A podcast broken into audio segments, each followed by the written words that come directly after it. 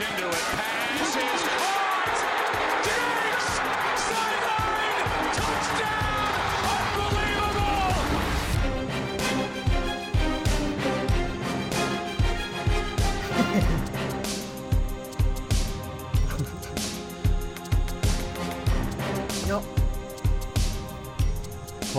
leuk dat je luistert naar de allereerste Sport Amerika Fantasy Football Podcast. Want wat gebeurde er nou? Wij maken hè, met onze enthousiasme podcast over de NFL. En daarin hebben we het ook wel eens over fantasy football. Dus dat je spelers kiest die dan punten voor je scoren. En dan zit je met je vrienden of andere mensen eh, in een league. En dan kijk je wie er het beste of het meest verstand heeft van voetbal. Zo werkt dat. Maar wat hoorden wij nou van mensen? Ja, er zijn mensen die zeggen willen jullie alsjeblieft gewoon alleen maar over NFL praten in de NFL-podcast en niet over dat stomme, irritante fantasy-gedoe. En er zijn andere mensen die zeggen, hé hey jongens, vijf minuten over fantasy voetbal, daar, dat is toch jammer, ik wil er veel meer over horen. Dus, wat dachten wij, wij gaan gewoon een losstaande podcast maken. En dat doe ik niet alleen, maar dat doe ik met mensen die jullie allemaal al hartstikke goed kennen. Allereerst de host van de normale NFL-podcast van Sport Amerika, Ton de Vries. Goedenavond. En eh Ton, eh, wat is jouw, eh, jouw track record als het gaat om fantasy voetbal? Ja, die is niet, eh, die is niet bijzonder indrukwekkend. Ik ben, ik ben denk ik een jaar of drie geleden met, met mijn eerste teampjes begonnen.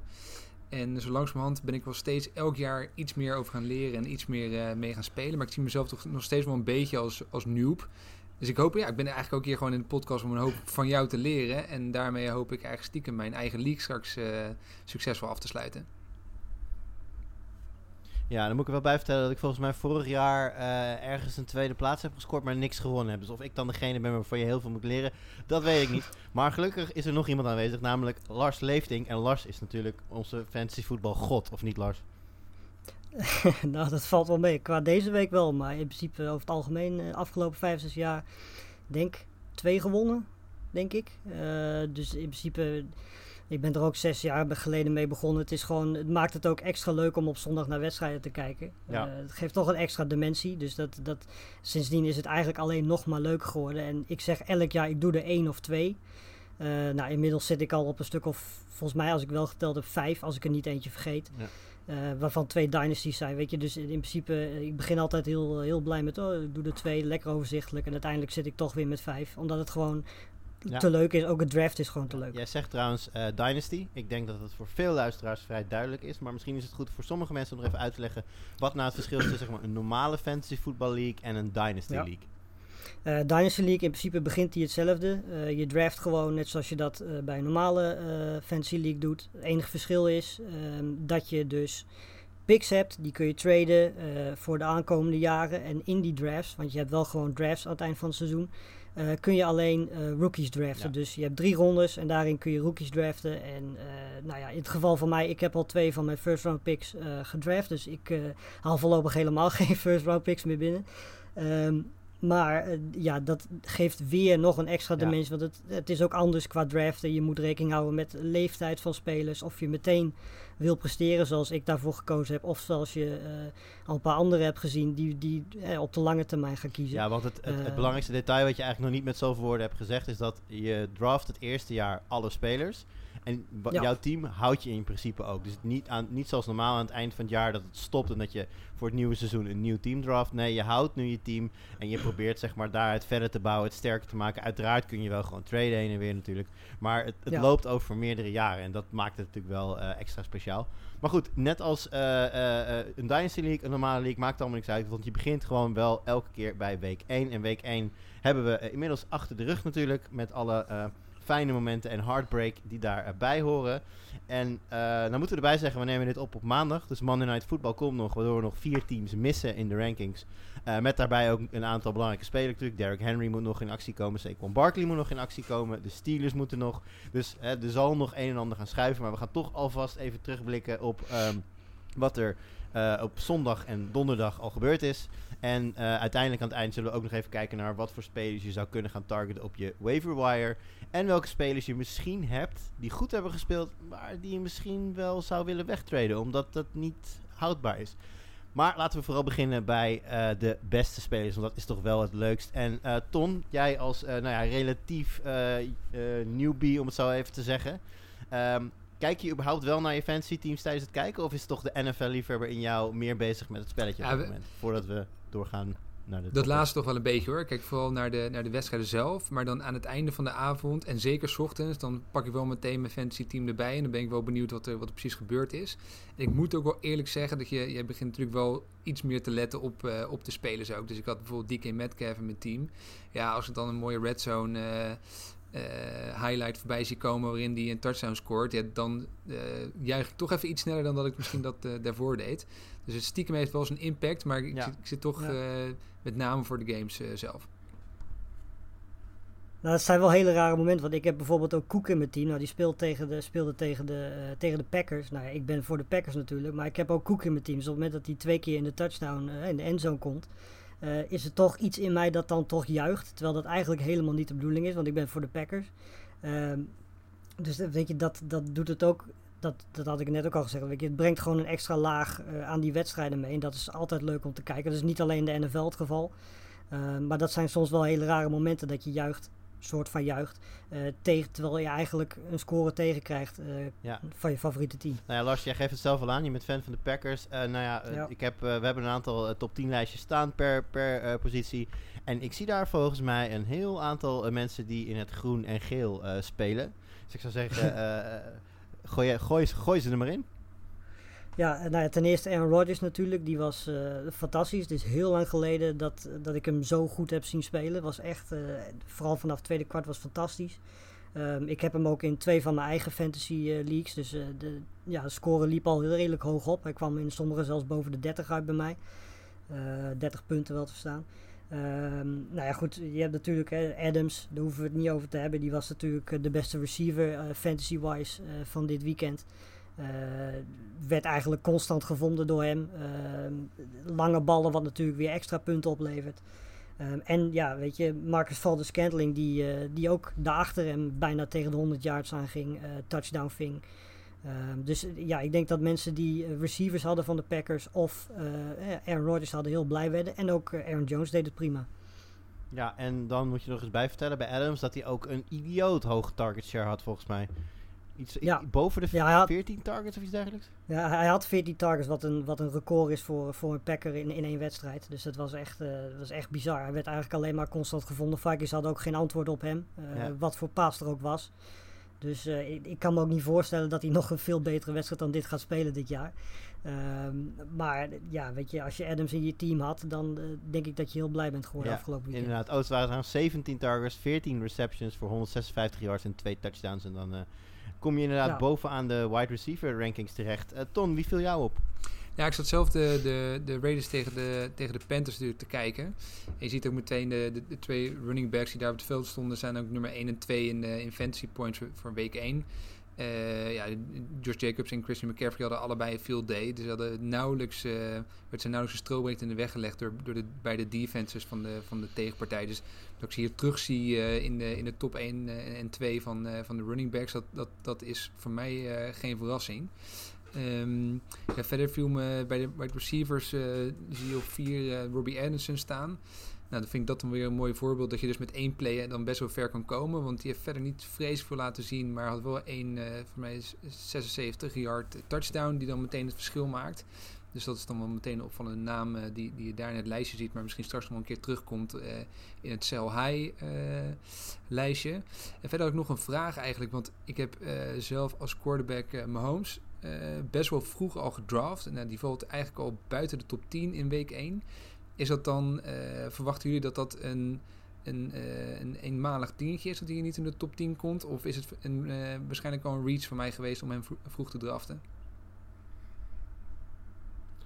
Het is denk ik in algemene zin eh, altijd een reach als je een van de top twee quarterbacks wil hebben. Want je moet wel. Op het moment dat je zeg maar eh, eerlijk gaat kijken naar de waarde die zij kunnen vertegenwoordigen, dan zou je ze later moeten draften dan de eerste en de tweede ronde. Alleen als jij Mahomes of Lamar Jackson wil hebben, en ik heb ook Lamar Jackson in verschillende leagues omdat ik hem per se wilde hebben, dan zul je hem eerder moeten draften dan dat je eigenlijk wil. Dus in die zin is het, is het wel op papier een reach, maar tegelijkertijd ook niet, anders had je no way gehad. Eh, maar ik denk zeker dat je zijn naam vaker wel dan niet in de top 10 zult zien. En eh, dan kijk je heel erg naar gamescript. wat is eh, een, een gamescript is zeg maar wat bepaalt of teams heel veel gaan gooien of heel veel gaan rennen. En ja, de Chiefs hadden niet heel veel te duchten van Houston natuurlijk. Eh, konden lekker met, eh, vooral met eh, Clyde Edwards-Hilaire over de grond aanvallen. Clyde, Hilaire die ook, Edwards-Hilaire moet ik zeggen, die ook gewoon netjes in de top 10 staat. Ehm, op het moment dat er meer druk wordt gezet op de Chiefs en er meer wordt gevraagd van Mahomes, dan zul je dat vanzelf ook krijgen. En wat je natuurlijk ook eh, ehm, eh, rekening mee moet houden, is dat Mahomes heel regelmatig connect met, met Hill. En dat gebeurde nu eigenlijk niet. Eh, Houston had zich duidelijk voorgenomen om die diepe, eh, explosieve plays zoveel mogelijk te, te limiten. En dat resulteerde in heel veel korte passes op Sammy Watkins, Travis Kelsey en, eh, en nogmaals Edward Hilaire. Op het moment dat Hill wel doorbreekt, dan heb je in één klap 70 yards en een Ja. touchdown te pakken. Ja, en dan gaat het natuurlijk veel harder, maar ook met de punten. Ja, zie maar Mitch Trubisky bijvoorbeeld, die nu in één keer in de top 10 staat. Eh ballen op Allen gooien, gooi een bal op Miller eh, aan het einde van de wedstrijd. Dat levert je meteen heel veel punten op. En eh, zoals, weet je, Mahomes is gewoon iemand die je inderdaad vaker wel dan niet in die lijstjes gaat zien. Spelers als Trubisky, eh, maar ook Josh Allen, weet je, ja, die gaan niet elk weekend in de top 10 staan. Terwijl Mahomes wat dat betreft een, toch wel een iets stabielere factor is ook. Eh, weet je, je kunt wel de hele tijd willen dat hij, eh, nou zeg maar wat, 25, 30 punten per weekend scoort. Maar volgens mij heeft hij afgelopen weekend, ondanks dat, hè, wat Jur dus zegt, eh, inderdaad weinig diepe ballen gegooid. Daar heeft hij toch gewoon 21 punten gescoord. Weet je, dat is toch gewoon lekker om erbij te hebben. Eh, terwijl je andere spelers hebt, zoals een Trubisky, waarvan je gewoon niet met zekerheid van tevoren een wedstrijd in kunt gaan zeggen van, oh die gaat eens even lekker scoren zoals hij dat afgelopen weekend deed. En dan moet je trouwens nog één klein dingetje bij vertellen. En dat is dat je verschillende eh scoresystemen hebt. Want wat Lars nu zegt, eh 21 punten. Dat zou eigenlijk, als je naar onze top 10 lijstje QB's kijkt, zou die dan tiende moeten staan boven Watson. Eh, dus waarschijnlijk, eh, ik, ik weet even niet helemaal meer waar ik deze top 10 lijstjes eh, vandaan heb ge- gekopieerd en geplakt. Maar die han- hanteren dan net even een ander scoringssysteem. Dus ik vermoed dan dat in dit lijstje Mahomes 11 had gestaan. Dus dat heeft er ook nog Ja. wel iets mee te maken. Ehm, als ik nog eventjes nog een aantal mensen eruit mag halen uit deze lijstjes, dan vind ik vooral bij de running backs de nummer 5 momenteel Raheem Mostert een hele interessante naam. Ehm, ja, het backfield van de 49ers was natuurlijk van tevoren niet helemaal duidelijk. McKinnon terug, eh Tevin Coleman terug. Nou, Coleman speelde eh, niet of nauwelijks. Volgens mij heeft hij een, of, een paar snaps op het veld gestaan, maar dat was het dan. En dat zou te maken hebben gehad met de slechte luchtkwaliteit tijdens de wedstrijd, waar hij dan meer last van zou hebben dan anderen. Ik weet niet of dat bevestigd is, maar dat, dat las ik in ieder geval ergens. Hoe dan ook, het leverde Raheem Mostert een hele productieve dag op. Ik denk dat dat goed nieuws is voor de, voor de eigenaren van, van Mostert. Ehm, en verder bij de, ehm, ja, bij de tight ends vond ik eh, Logan Thomas nog wel een interessante naam van Washington. Maar goed, daar komen we misschien bij de waiver wire zo meteen nog, eh, nog wel eens op. Want ik denk dat het goed is om door te gaan naar eh, fantasy nieuws. Want ja, het is hartstikke leuk dat mensen goed spelen. Het is minder leuk dat mensen slecht spelen. Maar het is nog veel minder leuk als mensen de wedstrijd moeten verlaten. En helemaal met een blessure die ze vrij, vrij inmiddels, inmiddels zeker het hele seizoen aan de kant gaat houden. Want Lars, de starting running back van de Colts eh, is niet Ja. meer Marlon Mack. Nee, helaas. En dit was. eh, dit- ik zat die wedstrijd te kijken en ik zag in één keer zag ik, eh, zag ik Heinz heel veel catches maken. En ik zag Taylor en ik dacht van waar is Mac? Toen hoorde ik, nou die staat aan de zijlijn. Toen zag ik op social media langskomen dat hij weggestuurd, weggebracht was. Nou ja, goed. En even daarna was het al redelijk duidelijk dat hij de rest van het seizoen eruit zou liggen. Ehm, ik heb hem in vier van mijn vijf leagues, dus dat was helemaal gezellig. Ehm, ik moest, eigenlijk was ik meteen al met mijn hoofd aan het denken van ja, wat moet ik nu doen? Eh, gelukkig had ik ehm, Malcolm Brown eh, in drie van die vier gevallen eh, nog achter de hand. Dus daar was ik eigenlijk wel heel benieuwd naar afgelopen nacht hoe die het zou gaan doen. Ehm, dus wat dat betreft ben ik er heel blij mee. Maar goed, het is natuurlijk vooral het is slecht nieuws voor mensen van, van Mac. Die natuurlijk de rest van het jaar niet meer zal spelen. Maar het is goed nieuws voor mensen die Heinz hebben. En mensen die Jonathan Taylor hebben. Ja, want is dat, eh, is dat een, eh, zeg maar, clear as day dat Jonathan Taylor nu de lead back wordt en dat Heinz eh, vanuit die rol als third down back gewoon Ja. een, een grotere rol nog gaat spelen dan hij al deed? Want laten we wel wezen, Heinz staat ook gewoon netjes in het top 10 lijstje, stond toevallig deze, deze week. Met nou ja, Ja. in, de- in deze lijst dan 19 punten, volgens mij twee touchdowns sowieso. Ja, maar Mac was natuurlijk ook al in was het, het eerste kwart volgens mij uitgevallen. Dus in principe heb je dan natuurlijk ook al wel flink Ja. de tijd om eh, wat te verzamelen. Maar ik denk, weet je, Heinz die is zowel in de, in de passing game als in de running game natuurlijk heel actief. Dat was hij op zich al wel voor Mac erbij was. Maar nu gaat hij dat natuurlijk alleen nog maar meer worden. En ja, weet je, Taylor die gaat nu echt gewoon heel veel, heel veel eh, carries krijgen. Dus de- als, je- als je die al had, dan moet je denk ik heel erg blij mee zijn. En ja, weet je, die twee gaan op dit moment denk ik nu wel de, de running game leiden. Ja. En uh, Tom, dit is uh, eigenlijk een vraag die voorbij fantasy voetbal gaat, maar ook gewoon met normaal voetbal te maken heeft natuurlijk. Uh, Taylor, een rookie, Heinz, echt een, een, een pass-catching back.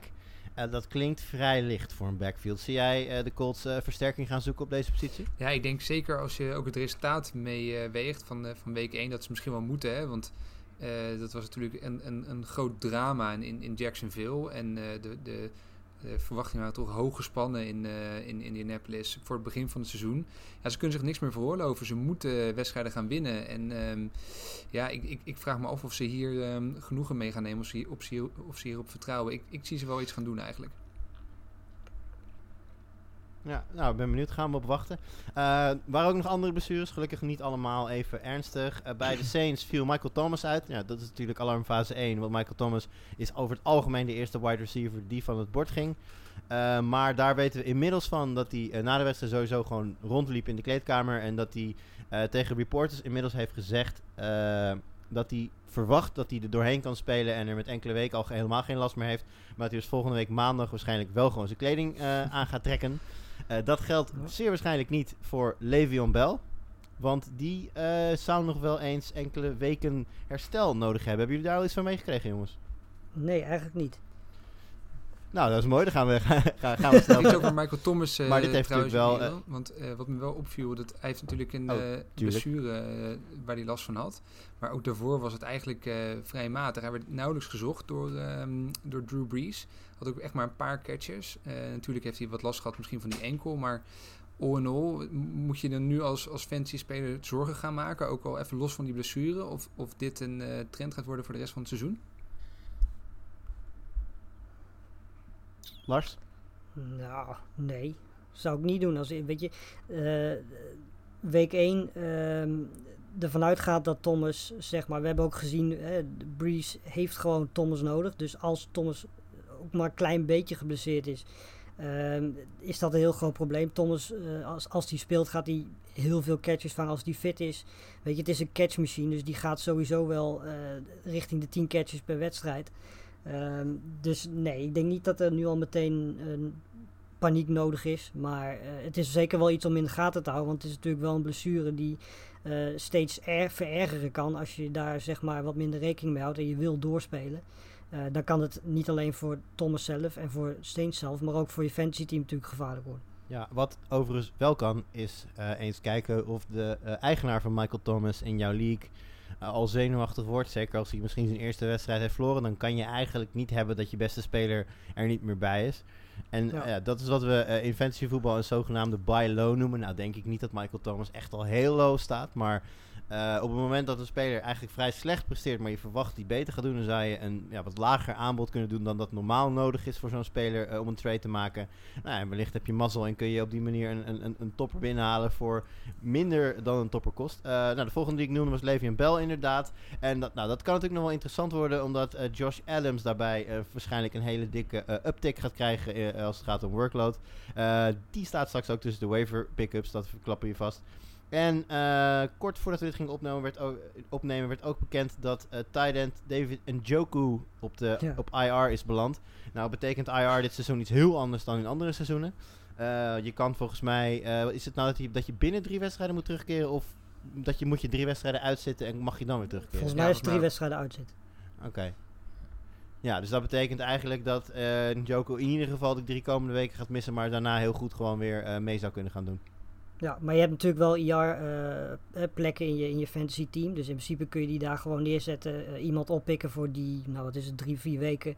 En dan vervolgens op het moment dat hij terugkeert, uh, kun je hem weer terughalen. En dan hoef je niet eens die speler die je opgepikt hebt natuurlijk weg te doen. Kun je ook gewoon iemand anders die tegen die tijd teleurstelt, ja, op de waiver zetten. Ja. Um, maar in ieder geval, ja, ik, ik viel mij sowieso op. Want ik zag voor gisteren in één keer een Joku touchdown pakken. Ik wist eigenlijk niet eens dat hij uh, een paar ballen ging vangen überhaupt. Want ik had eigenlijk wel verwacht, ook omdat er natuurlijk geruchten waren over trade en zo, dat hij misschien wel uh, niet zo heel erg in de picture was. Maar blijkbaar, weet je, als die jongen fit is, is het echt wel gewoon zeker een touchdown gevaar. Um, maar goed, ja, weet je, als je op de AR staat, heb je er niet heel veel Het was de eerste keer dat we een, dat we een Brown-speler noemden overigens. En dat is niet zo gek, want die zijn in geen velden of wegen te, te bekennen, hè, de lijstjes.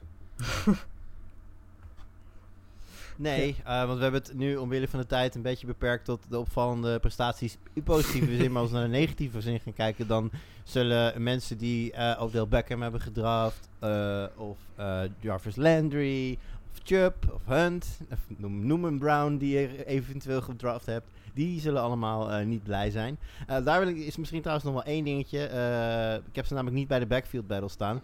Maar Chubb en Hunt hadden een bijna perfecte split als het gaat om de workload die ze hebben gekregen tijdens de wedstrijd. Dat is natuurlijk wel interessant, omdat iedereen verwachtte van tevoren dat Nick Chubb natuurlijk wel echt de lead back zou zijn. En dan Hunt wat meer change of pace, third down back. En dat was nu in ieder geval niet te merken.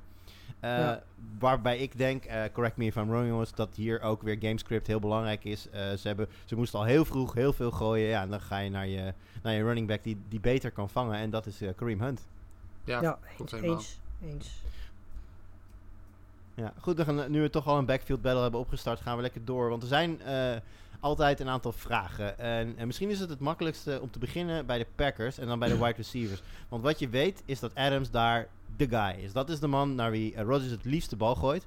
Maar daarachter leek het er voor het seizoen volgens mij uh, erg op dat, uh, hoe spreek je het uit? Lazard? Lazard? Lazard? Lazard. Lazard, ja. Dat Lazard de tweede wide receiver zou gaan worden, was al om de verwachting. En ja nu heeft MVS het toch beter gedaan. Nou, Lars, niemand beter dan jij om daar even een lichtje op te werpen. nou ja, ik, ik kan me herinneren dat hij, vorig jaar hebben we hem amper tot niet genoemd. Volgens mij begon hij toen de eerste twee wedstrijden ook best wel goed. Maar daarna hebben we eigenlijk niks meer van hem gehoord. Um, als ik persoonlijk moet gokken tussen deze twee, zou ik absoluut Lazard kiezen. Ik denk dat hij consistenter is. Ik denk dat Valdez Scantling meer een, een big play guy is die af en toe eens een keertje een week uh, zoals afgelopen weekend uit de hoek komt. Nou, daarnaast kun je ook niet van Aaron Rodgers meer verwachten dat hij elk weekend zo gaat spelen zoals hij dat nu doet. Maar het is natuurlijk ook wel opvallend dat uh, Adams 14 catches heeft en dat uh, Scantling en Lazard dan toch nog 4 catches weten te verzamelen. Uh, wat ook wel laat zien, dat vind ik ook wel opvallend, dat toch de Packers wat meer gooien dan dat ik van tevoren verwacht had. Wat natuurlijk ook wel belangrijk is uh, in de keuze of je Valdez Scantling of Lazard wil kiezen. Want als de bal meer naar Rodgers gaat, krijgen Lazard en Valdez Scantling automatisch minder targets. Um, maar ik, ik denk, als ik zou moeten kiezen, zou ik voor Lazard gaan. Oké, en dan uh, hebben we ook nog keuzes te maken. Of eigenlijk, ja, die zijn voor een deel al gemaakt. Um, weten jullie welke van de wide receivers bij de Bengals de meeste targets heeft gehad afgelopen weekend? Was het AJ, AJ Green niet gewoon? Ik uh, moet even mijn. Het zou heel handig zijn geweest als ik deze statistiek nu al voor me had gehad. Dan, dan, dan, merk, dan, merk, je toch dat ik geen ervaren host ben. Ja, jij het, ja dat was AJ maar Green. het is. Uh, is het Ozuma? Nee, het is Green. John Ross. Echt serieus? John Ross? dat is ook wel heel apart, ja. Nee, je hebt gelijk. Het is, uh, het, het, is, het, is, het is AJ Green inderdaad. Maar dit is zo raar. Ik heb dus John Ross hier staan. En uh, die heb ik ook op mijn waiver pick-up. Maar ik weet ik niet wel waarom. vaak voor in de, in de highlights. Dus misschien hmm. was het daarom. Moeten er vijf... Ja. Nee, wacht. Ik zie het al. Uh, we hebben het van tevoren natuurlijk heel veel over AJ Green, Tyler, Boyd, ge Tyler Boyd gehad. Um, en die, hoe heet die? ze, hebben nog iemand ge, ze hebben nog iemand gedraft daar ook. Die ook veel catches zou hebben. Zo, dit is niet mijn sterkste stukje, jongens. Of wel? Maar in ieder geval, uh, John Ross die werd uh, net zo vaak gezocht als bijvoorbeeld Tyler Boyd. En werd daar compleet in de mix. En dat is natuurlijk wel leuk. Want op het moment, of eigenlijk helemaal niet leuk. Want op het moment dat je een receiver core hebt waarbij één guy negen targets krijgt, maar de ander vijf, de ander vijf, de ander vijf en nog een ander drie. En nog een ander ja. vijf. Dan uh, weet je eigenlijk helemaal niet waar het heen gaat. Dus is nee. dit echt een gevalletje van afwachten? Zeker ook omdat Burrow natuurlijk nieuw is in de league. Of denken we dat we hier al toch gewoon een patroontje in kunnen zien? Nou ja, er, er, zijn natuurlijk nog een paar spelers. T. Higgins is volgens mij de rookie ja. die jij Die bedoel uh, ik, ja. Nou ja, die heeft helemaal geen catch gehad in deze wedstrijd. Um, weet je, dus ze hebben in principe... Bernard had in één keer ook vier catches. Um, terwijl dat volgens mij toch gewoon vooral running back is. Um, Mixon... Ja, ik verwacht eerlijk gezegd dat hij ook misschien nog wel een beetje wat in de passing game meer gaat doen. Ook al is het helemaal niet nodig, want ze hebben meer dan genoeg targets wat dat betreft. Dus het is heel gevaarlijk. Maar in principe, als, als ik één target zou moeten uitkiezen, zou ik, als die fit blijft, AJ Green kiezen. Dat lijkt mij uh, ja. in, in, principe een no-brainer. Maar goed, weet je, ja, uh, in deze wedstrijd was het duidelijk dat ze, ja, ze hadden vier spelers met vier of meer catches. Ja, dat wordt wel heel lastig verhaal om dan van tevoren in te kunnen schatten wie je dan wel en wie je niet op moet stellen. Dus wat, is nu, wat zou nu jouw advies zijn, uh, Lars, als je voor spelers die uh, receivers hebben van, van de Bengals Gewoon benchen tot je het zeker weet? Eh, ja, want ik denk dat het wel gewoon receivers zijn die kwalitatief goed genoeg zijn om ze in ieder geval in je selectie te hebben. Eh, dan heb ik het vooral over Boyd en Green. Eh, dat zijn wel gewoon jongens, wat, dat zijn gewoon hele goede receivers. Alleen, ja, het moet wel eerst, weet je, als die vier catches per wedstrijd blijven hebben, heb je er niet veel aan. dan behalve op de bank hebben zitten. En in de loop van de tijd gaat het echt wel duidelijk worden wie zijn favoriete target gaat zijn. Ik denk dat Burrow dat op dit moment zelf ook nog niet weet. Ehm, dus ik, ik denk op dit moment dat het nog niet echt nodig is om jongens als Boyd eh, eh, ja, al weg te doen. Eh, maar het is wel gewoon een risico. Als dit hele, hele seizoen zo door blijft gaan, heb je in principe er niet heel erg veel aan. Het was ook heel onwennig nog hoor, van, van Burrow. Ga- Het was heel onwennig. Die- je zag echt dat hij nog zoekende was naar, naar- om die juiste connectie Ja, te ook vinden. dat. Ik denk uiteindelijk gaat hij met iemand echt wel die connectie vinden. Ja. En als, als je dan iemand zou moeten noemen bij wie de kans het grootst is, dan is het gewoon bij AJ Green. Dus ik denk uiteindelijk dat dat, dat voorlopig wel de, de, Ja, de nummer. 1 wide receiver blijft. Maar dat is ook weer een ding. Als die geblesseerd raakt, ja, dan kun je het Nee, helemaal niet meer voorspellen. Dan eh, denk ik dat dat is dan denk ik toch wel een moment dat ik zou zeggen van ja, weet je, laat dan die Bengals receivers maar zitten. Want dan gaan er gewoon echt vier, vijf spelers zijn. En dan gaat zelfs ook Mixon gaat meer catches pakken. Dus zolang Green fit is, zou ik voor Green gaan. Ehm, maar op het moment dat Green uitvalt, wordt het eh, voor je fantasy eh, echt heel moeilijk inschatten wie de receiver wordt bij de Bengals. Helemaal mee eens. Eh, over inschatting gesproken, wat ook van tevoren een beetje moeilijk in te schatten was, was wie nou de running back van de Los Angeles Rams zou gaan worden. Eh, ik heb eh, Cam Ja. Akers een heel aantal keer gedraft, kan ik jullie vertellen. Maar tot mijn grote verdriet was het niet Akers naam die overal bovenaan de lijstje stond. En Lars, jij, jij noemde hem volgens mij net al even. Ja. Want wie stond daar wel? Eh, Malcolm Brown. Ik had hem eh, stiekem toch drie keer eh, gekozen, drie keer gedraft. Omdat ik het gevoel had, weet je, je hebt daar in principe had je daar twee opties. Akers en dingen. Je, had natuurlijk ook Henderson had je nog, maar goed, die werd helemaal niet gebruikt in die, in die wedstrijd. Was hij wel al fit dan? Want ik dacht dat hij op... Ja, hij speelde, van wat ik zo in de stats zie, had hij één, één run, runplay voor drie yards. Dus kan zijn dat hij inderdaad geblesseerd uitgevallen is dan, dat weet ik niet. Maar ik dacht dat hij terugkwam van een blessure en nog niet helemaal fit was, maar dat... Ja, hij staat wel in de boxscore in ieder geval, Oké. laat ik het zo zeggen. Ehm, maar het ging inderdaad tussen die twee. En eh, ja, het is, was ook interessant om te zien dat Malcolm Brown heel veel in de passing game werd gebruikt. Ehm, wat natuurlijk, hè, bij de Rams gebruiken ze receivers heel erg als, als running back plays. Vooral iemand als Wood, eh Cubs, die, eh, die, die krijgen heel veel van dat soort plays. En Brown is dan iemand die, die dat ook kan, maar die kan ook gewoon, gewoon normaal de bal rennen. En ik denk dat als, als je ziet hoe hij nu gespeeld heeft, en ik verwacht eerlijk gezegd niet dat hij dit elk weekend gaat laten zien. Uh, maar in een offense van, van Sean McVay zou ik het gokje op Malcolm Brown, zeker als je iemand als Marlon Mack kwijt bent geraakt, uh, wel willen nemen. Ja. En als we dan uh, eventjes in LA blijven, want uh, daar bij de Chargers natuurlijk Austin Eckler de duidelijke running back nu Melvin Gordon weg is. Ja. als je dan weet dat Joshua Kelly eigenlijk alle goal line touches kreeg ten faveur van Eckler, zou je je dan zorgen moeten maken als je Eckler in je team hebt?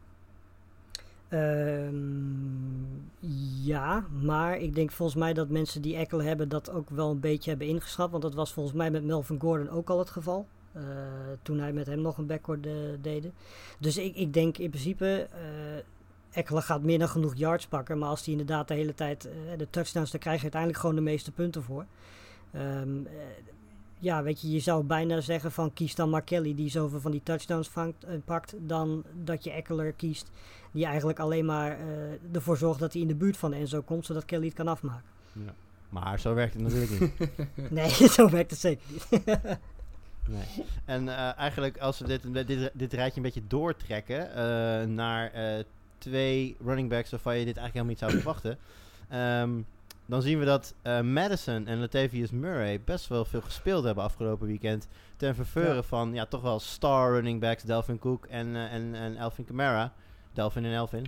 Die uh, misschien net te druk bezig waren nog met het handtekeningetje zetten onder, onder een dik betaalde nieuwe contractjes. Uh, maar is dit iets om je zorgen om te maken, Lars? Uh, nee, in het geval van Murray niet. Sterker nog, ik denk, ik heb, ik heb die, volgens mij gisteren heb ik die uh, zelfs ge geleased in plaats van uh, Malcolm Brown. Uh, Madison denk ik dat hij wel, wel wat meer, wel wat grotere rol zal spelen. Uh, dus ik denk, ik zou Madison zeker als je hem op de bank hebt, is meer dan prima. Weet je, op het moment dat je een bye week hebt, zou ik Madison wel in willen zetten. Uh, zeker omdat hij nu ook vorige week of afgelopen weekend, sorry, heel veel in de passing game werd gebruikt. Dus dat levert je ook altijd extra yards op. Ehm, dus ik, denk- ik denk dat Madison vind ik wel een interessante naam. Eh, van Murray zou ik denk ik eerlijk Ik zou gezegd me wel eh, verwachten. Ja. Ik zou, me ik zou wel zorgen maken om, om Camara. Ja, Tom? Ehm, ik heb die wedstrijd zitten kijken. En hij maakt uiteindelijk veel goed met, met twee touchdowns en eh, een paar catches. Maar in zijn running game was, dit, was hij... Was, Helemaal nee, was echt helemaal niks. Hij viel ook echt tegen, zeg maar. Gewoon niet, had gewoon niet die explosiviteit, die snelheid. Ehm, dus als, als Camara, eh, als je Camara als je nummer 1 pick hebt, dan zou ik me toch wel iets eh, zorgen maken. Als hij niet die twee touchdowns had gescoord, was het natuurlijk gewoon helemaal niks geweest. Ja, Nou had Camara volgens mij kort voor het seizoen ook een of andere ruginjectie gekregen of iets dergelijks. Daar is niet, volgens mij niet helemaal, ook niet heel veel over duidelijk, maar wel in ieder geval dat hij een injectie heeft gekregen. Ja, dat is ook natuurlijk niet wat je wil horen zo kort voor het seizoen. Een injectie Nee. van dollarbiljetten. Goed, dan nog... dat sowieso, ja. Maar eh, het laatste backfield wat ik nog eventjes wil noemen eh, ehm, is eh, dat van Detroit. En nou ja, goed, daar... Karen Johnson, auw. Ja, dat is inderdaad waar ik heen wil. Want als we daar kijken hoe het daar loopt, dan zien we heel duidelijk dat Adrian Peterson de, de, de leadback voor de, gewoon de running plays is. Dat Ja. DeAndre Swift de, de catches maakt, of niet maakt, Soms. of niet maakt. Maar eh, ja, Carrion Johnson, jongens, dat is, was toch op papier in ieder geval. eh, vorig jaar een hele, eh, of niet een hele papier, ook gewoon op het veld, een hele ja, serviceable goede back. En die is nu ineens derde viool. Ja, ik, eh, pff, ik weet het niet. Ik, ik heb altijd de, de scores ook eh, naast de red zone staan. En ik bleef eigenlijk de hele tijd maar links kijken op het moment dat Karen Johnson eens een keertje wat punten ging scoren. Maar dat gebeurde eigenlijk constant niet. Dus ik zat ook te zoeken van is hij geblesseerd geraakt of zo. Maar dat, eh, dat was het allemaal niet. Hij speelde eigenlijk gewoon amper tot niet. Ja. Hij kreeg wel wat carries geloof ik, maar daar deed hij ook niet heel erg veel mee. Dus het is ja, vrij bizar. Zeker als je hem heel vroeg gedraft hebt. Want ik weet dat er heel wat mensen zijn die, die toch, wel wat, eh, toch wel wat geloof in hem hadden. Dat die toch wel dachten van... Maar dat was ook allemaal voordat Peterson kwam natuurlijk. Wat natuurlijk ook wel een heel, heel belangrijk iets is. Ja. Eh, weet je, hoe eerder je draft voordat het seizoen begint... Hoe radere dingen zoals een Adrian Peterson nog kunnen gebeuren. Als jij dan Johnson hebt gedraft in, nou weet ik veel, ronde 6, 7, 8... Ehm, je verwacht dat hij de eerste running back is. En dan vervolgens komt Peterson in één keer om de hoek. Ja, dan kan dit soort dingen kunnen inderdaad gebeuren. Maar dan weet je na week 1 meestal ook wel eh, ja, hoe het ervoor staat. En dan kun je daar natuurlijk ook meestal wel op reageren. Is, eh is eh Carrion Johnson nu een speler die je zou droppen? Eh, nou ja, ik weet niet of Adrian Peterson dit vol kan houden. Dat is een beetje het ding. Hij houdt het al je, ik 16 bedoel, jaar vol, Ik toch? kan me niet voorstellen dat hij dit week in week... Ja, dat is ook wel weer waar. Maar ik, weet je, ik, Peterson is inmiddels op leven. Dus ik denk dat Karen Johnson zeker wel gewoon... Ik zou hem op de bank houden, laat ik het zo zeggen. Ik, zou hem, ik denk dat hij weken gaat hebben waar hij goede matchups heeft. Eh Peterson zeker in, aan het eind van het seizoen zal vermoeider raken. Dus Johnson zal dan meer, meer carries krijgen. Eh, weet je, Swift zal vooral in de, in, in de passing game en in de run, en running game een beetje mix krijgen. Dus dat, ik zou hem op de bank houden voorlopig, maar zeker niet starten. Goed, dan gaan wij door naar eh, de spelers die je misschien zou willen verkopen. En eh Ton, volgens mij eh, heel sneaky toen wij over top performers aan het praten waren, toen noemde jij er, er al eentje. De, de, de, ik noemde Robbie Anderson, heb je daarover? Die, die had inderdaad met, met één catch in één keer heel veel Helemaal punten te pakken. Ja, dat, dat zou inderdaad misschien wel een speler zijn die, je- die je zou willen noemen als... ja, waar je misschien niet zou verwachten dat hij het volgend, volgende week meteen weer zo goed gaat doen. Eh, helemaal omdat de Panthers spelen volgende week eh, tegen de Bucks. Nou, die hebben zeker een betere defense dan, eh, dan de Raiders. Althans, dat hoop ik voor ze, want de Raiders was, was echt heel weinig. Dus dat, dat is er eentje. En ik had eigenlijk een vraag voor jullie, want ik, ik heb J.K. Dobbins in mijn fancy team van de, van de Ravens. Is dat nou een speler die, die je ook zou kunnen noemen Ja. als, als drop eventueel, na, die je zou willen verkopen na, na week 1? Niet als Nee, drop, precies, om, om te verkopen. niet- Zeker niet als drop. maar zeker, zeker inderdaad als... Kijk, dat is inderdaad, eh, zoals we net uitlegden over Michael Thomas, wat een buy low zou kunnen zijn. Heb je ook spelers die eigenlijk een beetje boven hun kunnen presteren en op dat moment een sell high zouden kunnen zijn. En J.K. Dobbins, eh, een, een running back van de Ravens, waar veel van verwacht wordt, een rookie. Eh, iedereen had eigenlijk wel verwacht dat hij dit seizoen iets zou gaan doen, maar dat hij meteen in de eerste game twee touchdowns binnenrent en eigenlijk op eh ogenschijnlijk belangrijker is dan Mark Ingram. Ja, dat, dat hadden toch niet veel mensen zien aankomen. En de vraag is dan een beetje die je moet stellen. Hoe eh, geloof ik erin dat dit eh, vaker gaat gebeuren dit seizoen? En zo niet. wat wil iemand anders ervoor betalen op het moment ik zeg van nou, ik wil hem best wel traden. Want op het moment, kijk, J.K. Dobbins Ja. is niet een jongen die je in de eerste of in de tweede ronde waarschijnlijk hebt gedraft. Dus als jij een, een, een speler kunt krijgen met de waarde van een eerste, tweede, derde ronde voor J.K. Dobbins, dan zou dat best wel eens een hele Ja. goede deal kunnen zijn. Want van die speler van de eerste, tweede, derde ronde mag je logischerwijs verwachten dat hij vaker dat niveau zal halen. En J.K. Ja. Dobbins heeft het te maken met Ingram. En eh, er is dus nog een derde running back daar die ook gewoon veel snaps. eh, is Gus Edwards, geloof ik. En Ja, Lamar Jackson. ja. En Lamar Jackson is eigenlijk. Ja, precies. Dus het is daar eh, vrij ja, unlikely dat hij nog heel vaak in de positie komt om dit te gaan herhalen. Dus dan kun je altijd even kijken Ja. van, nou, wat willen mensen ervoor betalen op dit moment? Eh, want je zou kunnen zeggen dat nu zijn, op dit moment zijn haar waarde misschien wel het hoogst gaat zijn voor het hele seizoen. Dat weet je uiteraard niet, maar daar kun je natuurlijk een beetje mee speculeren. Nou, ik ga rondkijken. Eh, Lars, heb jij nog andere... Lars, heb jij nog namen die voor deze eh, categorie in aanmerking komen? Eh, ja, Jameson Crowder. Eh, die zag ik gisteren in één keer exploderen voor één play. Ehm, ik kan mij niet voorstellen, ik ben ten eerste geen fan van Sam Darnold, dus ik kan me niet voorstellen dat Crowder dit vaker gaat doen.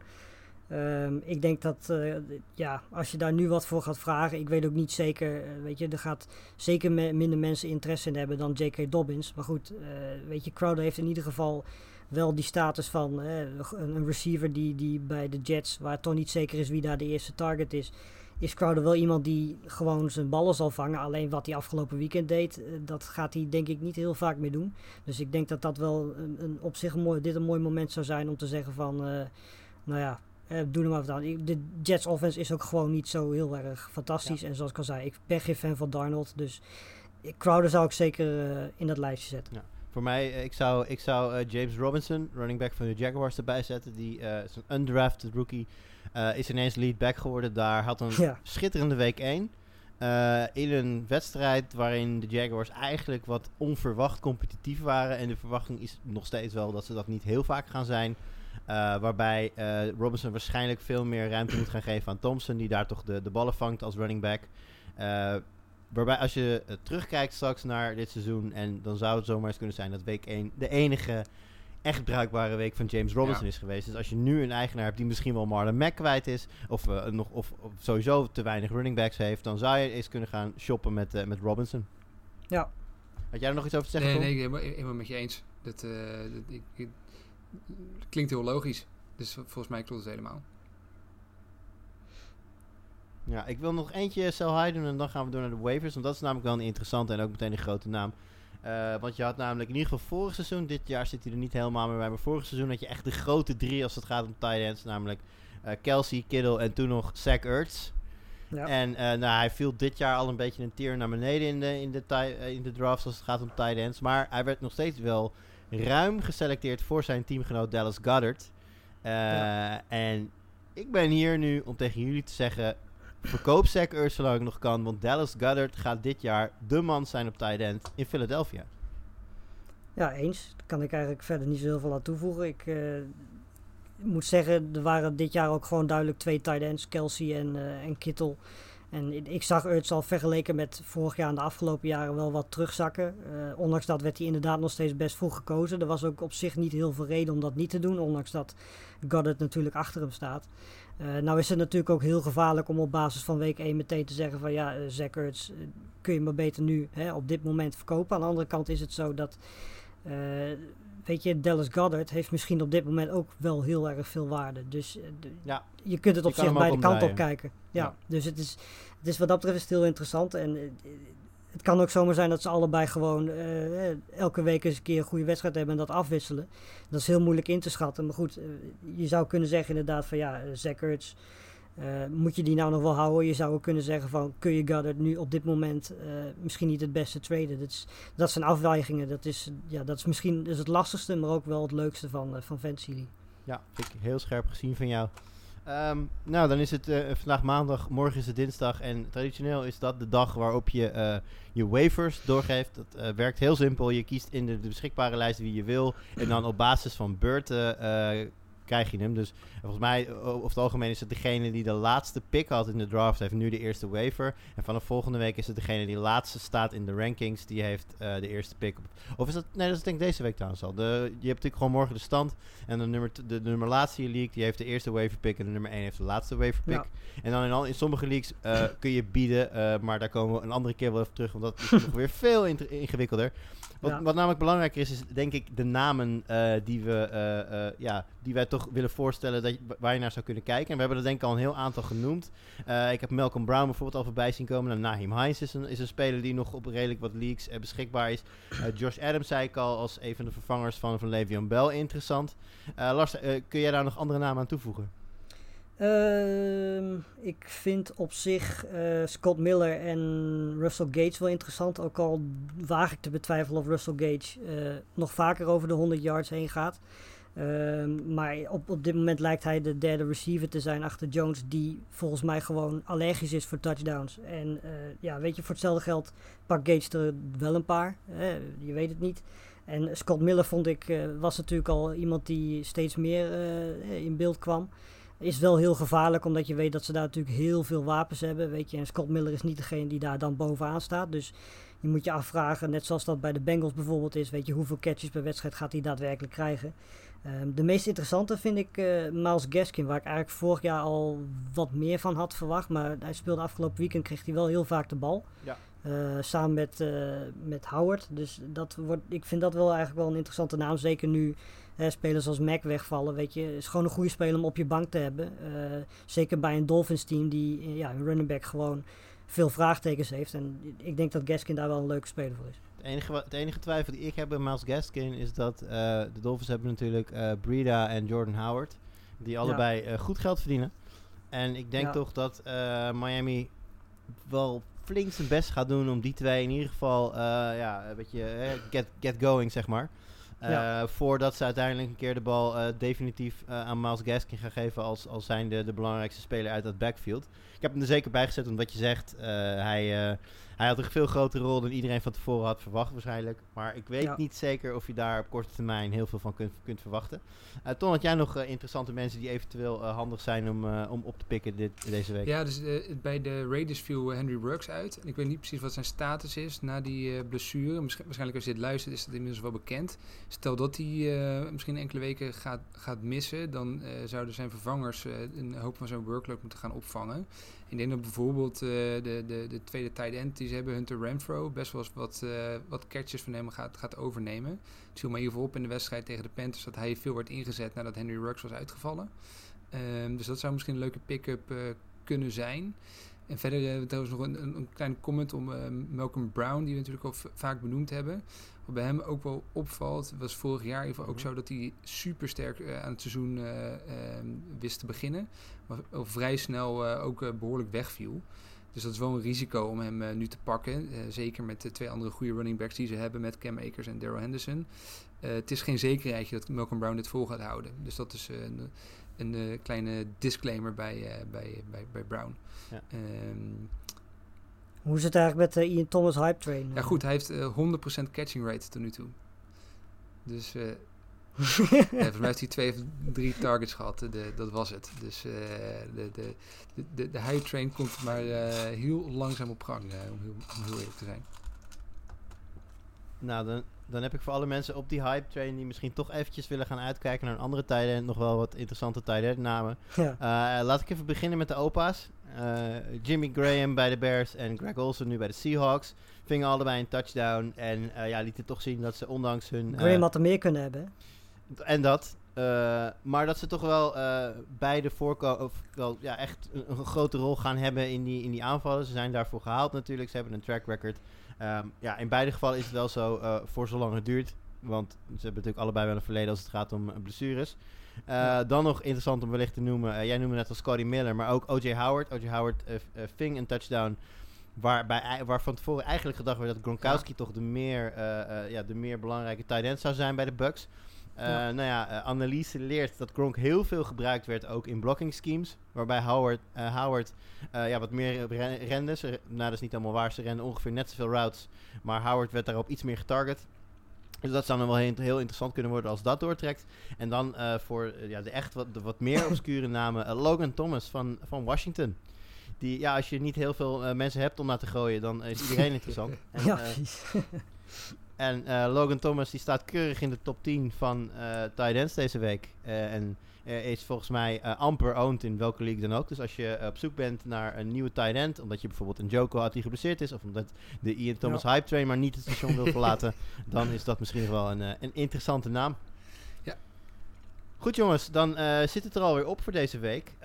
Gaan we de komende dagen lekker onze waivers in, invullen. Uiteraard vanavond nog even naar eh, Monday Night Football kijken en hopen dat het goed komt. In mijn persoonlijke geval eh, ben ik heel erg aan het bidden dat Saquon Barkley geen goede wedstrijd speelt. Want dat zou me, zou me een hoop pijn kunnen schelen. En eh, dan eh, gaan we lekker toeleven naar alweer eh, week 2. En dan even een huishoudelijke mededeling. Dit is voor ons natuurlijk de allereerste keer dat wij dit maken. Dus wij gaan ook even kijken wat de reacties worden. Dus als je dit luistert, laat vooral weten wat je ervan vindt. Wat je misschien beter vindt kunnen, wat je leuk vindt. En daar gaan wij er weer mee aan de slag. En dat gaat ook denk ik mede bepalen hoe vaak we dit gaan doen en wanneer we dit weer gaan doen. Dus daarover nog geen uitspraak. Tom, Lars, hartstikke bedankt weer Ja, voor je deelname. Yes. En jullie bedankt voor het luisteren en tot de volgende keer.